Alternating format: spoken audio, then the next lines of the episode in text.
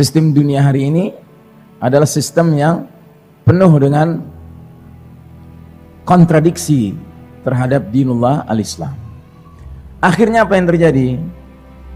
Karena sistem Dajjal ini didukung oleh kecanggihan peradaban, kecanggihan teknologi, telekomunikasi dan lain sebagainya, maka segenap nilai-nilai kekufurannya pun menjadi cepat tersebar.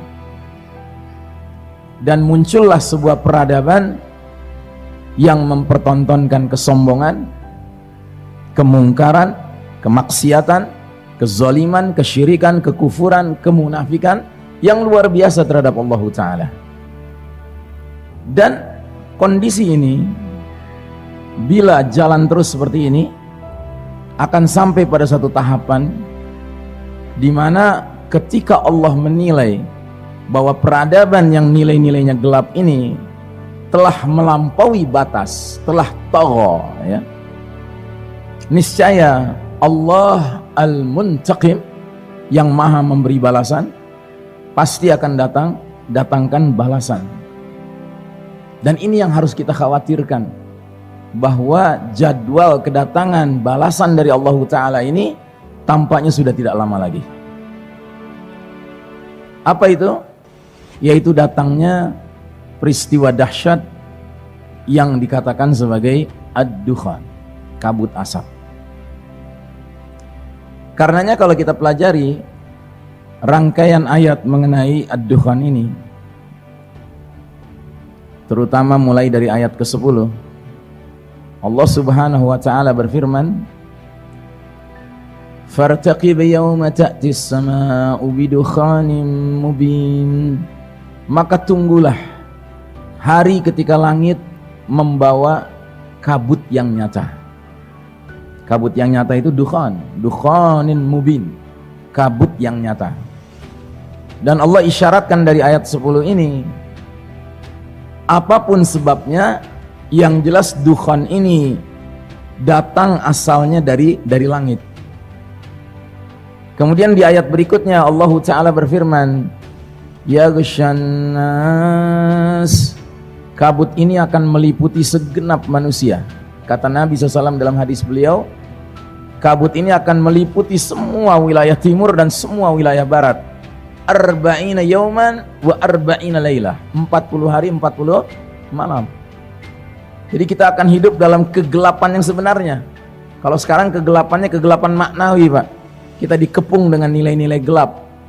Hari demi hari tapi ketika dukhon sudah terjadi bahkan kita dipaksa oleh Allah mengalami pitch dark physically. Secara fisik kita mengalami kegelapan.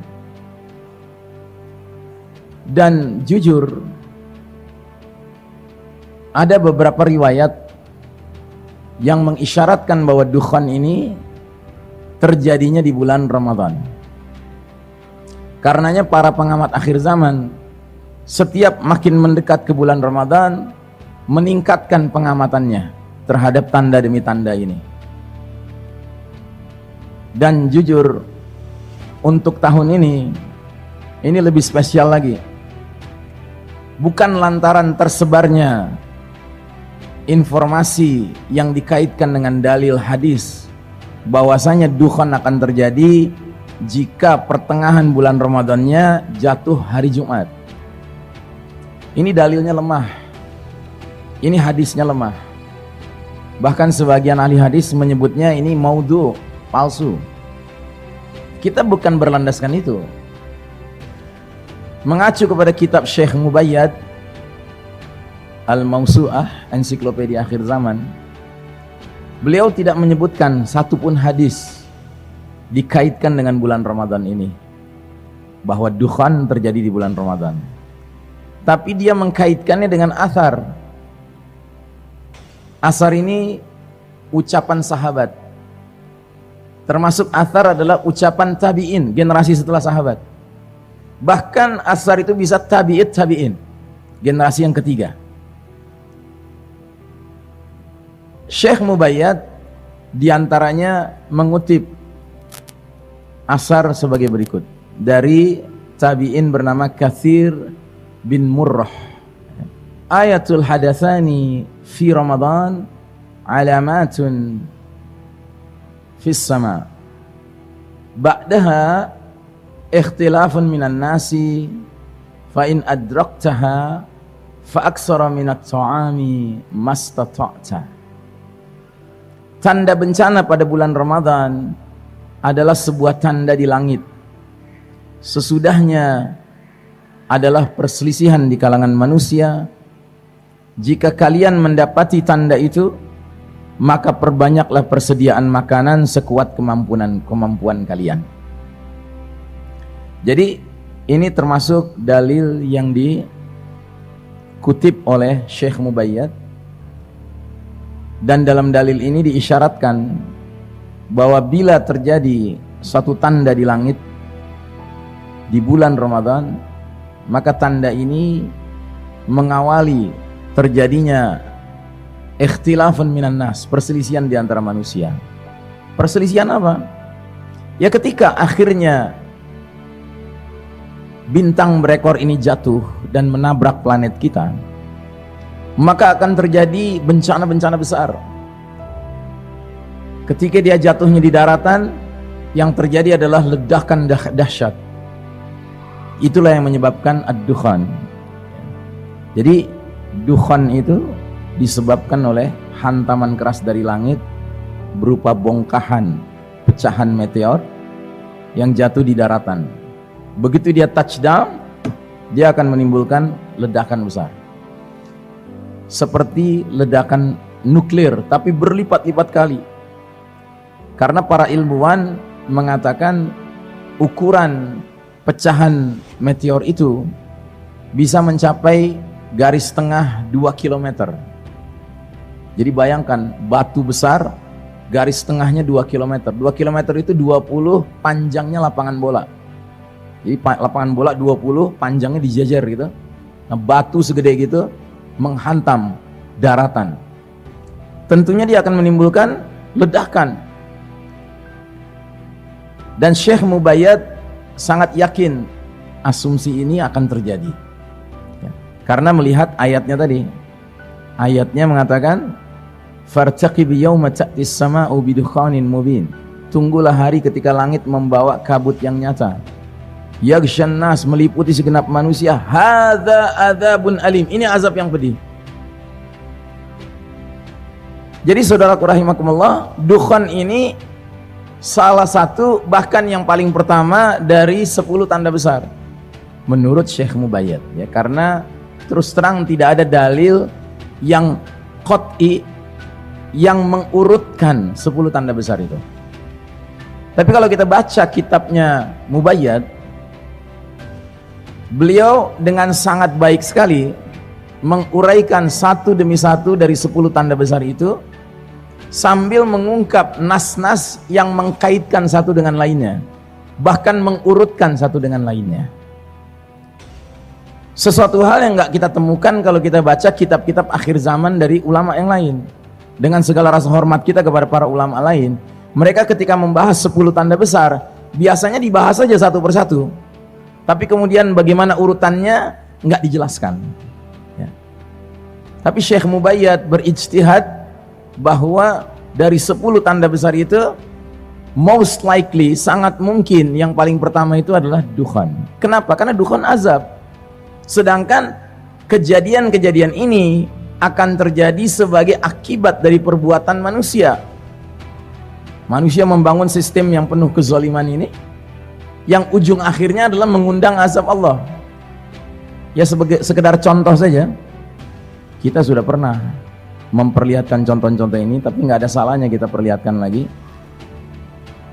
Perilaku-perilaku seperti ini adalah perilaku mengundang azab Allah.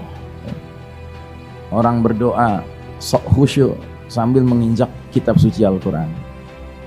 Wanita menulis Twitter yang sebelah kiri menghina agama Allah al-Islam, yang sebelah kanan menghina Allah. Kemudian sekelompok pemuda mengaku muslim, menari-nari, bernyanyi-nyanyi sambil membakar kain bertuliskan dua kalimat syahadat. Memangnya Anda pikir ini peristiwa biasa? Ini bukan peristiwa biasa. Ini peristiwa yang menggoncang arsh. Ya.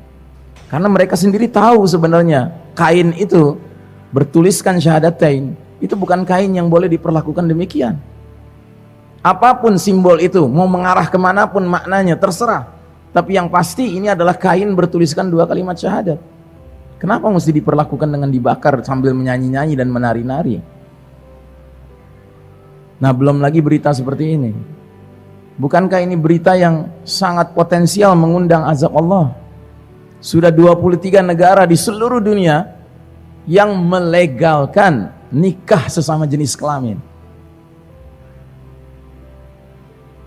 Dulu di zaman Nabi Lut alaihi salam, para pelaku liwat, liwat itu homoseksual, itu mereka melakukan kegiatan liwat mereka itu di tujuh kota. Memang tujuh kota, nggak sedikit. Tapi tujuh kota itu di satu negeri, Pak, negeri Sodom. Sekarang 23 negara itu cakupannya begitu luas. Amerika Utara seluruhnya, Amerika Selatan hampir seluruhnya, Eropa seluruhnya, Afrika Selatan, Australia, Selandia Baru. Bayangkan.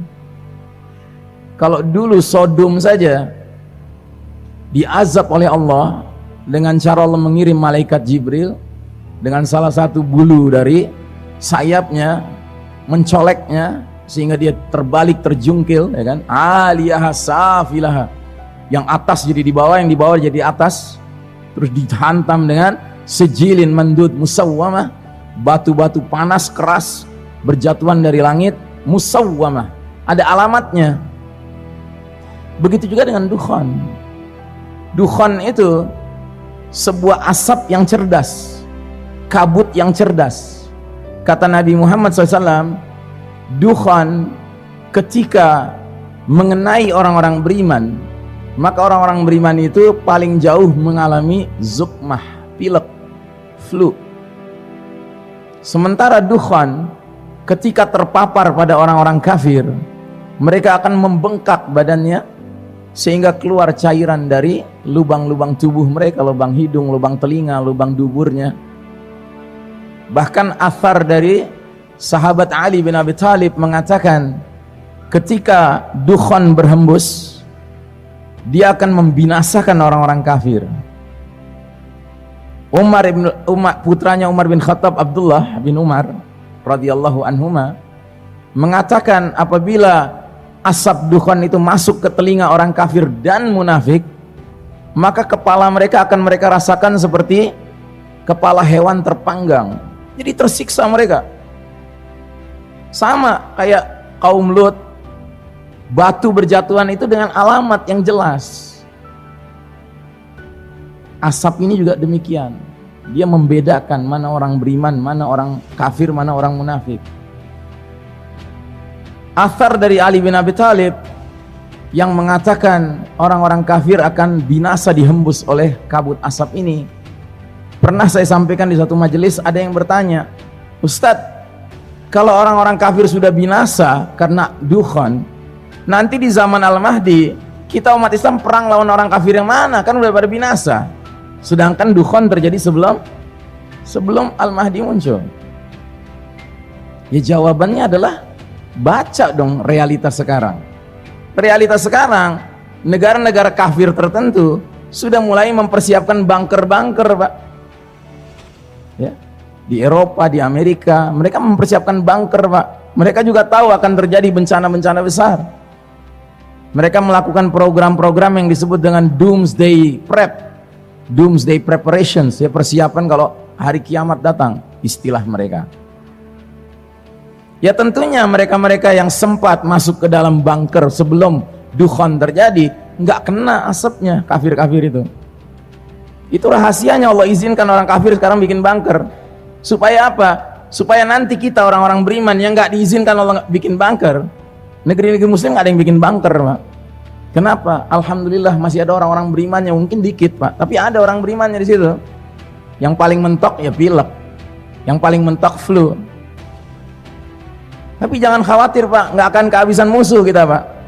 Yaitu mereka-mereka yang sembunyi ke dalam bunker, nanti nongol mereka.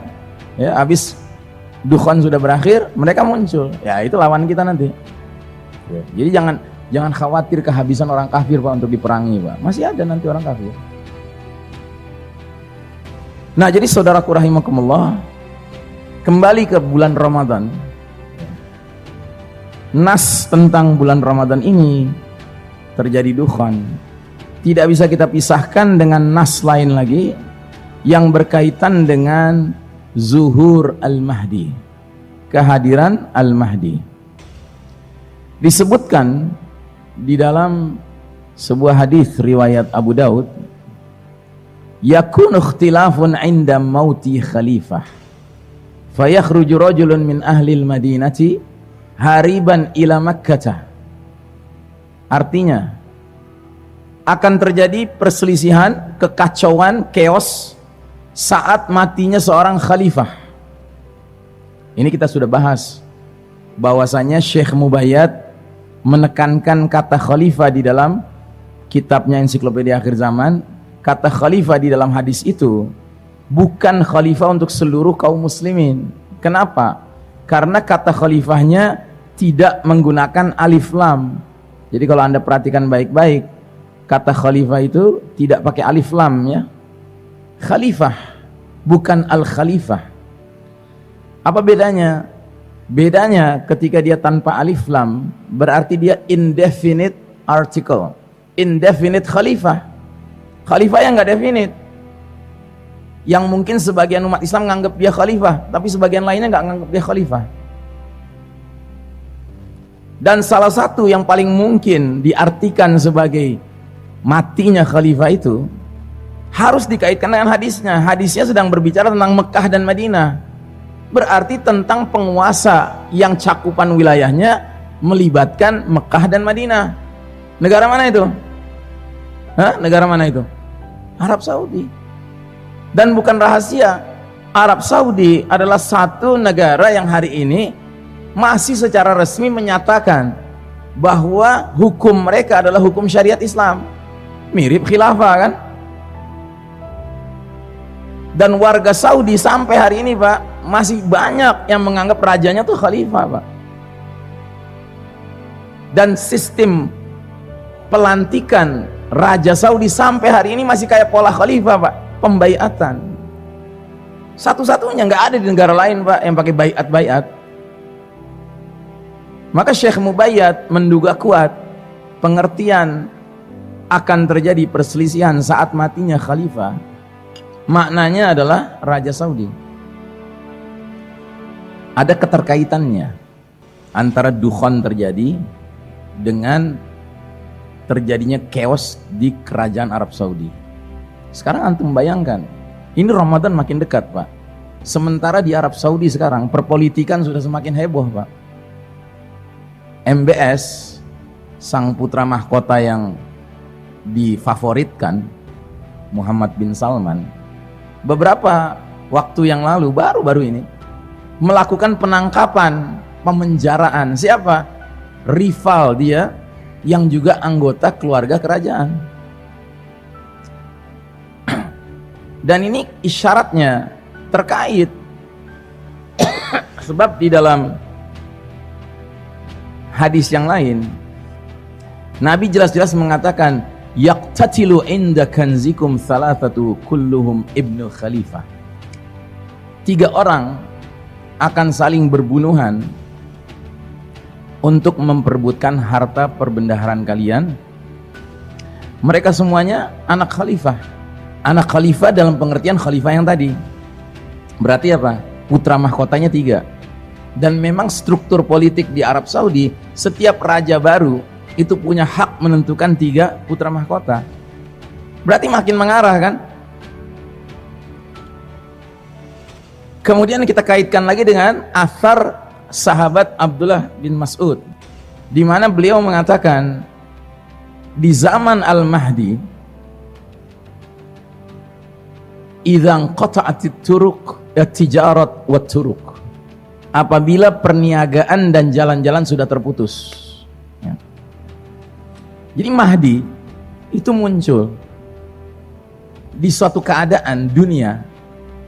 Jalan-jalan sudah tidak lancar lagi transportasi sudah nggak lancar, bisnis sudah nggak lancar. Karena apa? Karena terjadi shutdown of modern technology. Jadi kan terkait yang kita harapkan urutannya adalah kita masih sempat dengar kabar matinya khalifah itu dan keosnya negara itu karena itu akan menjadi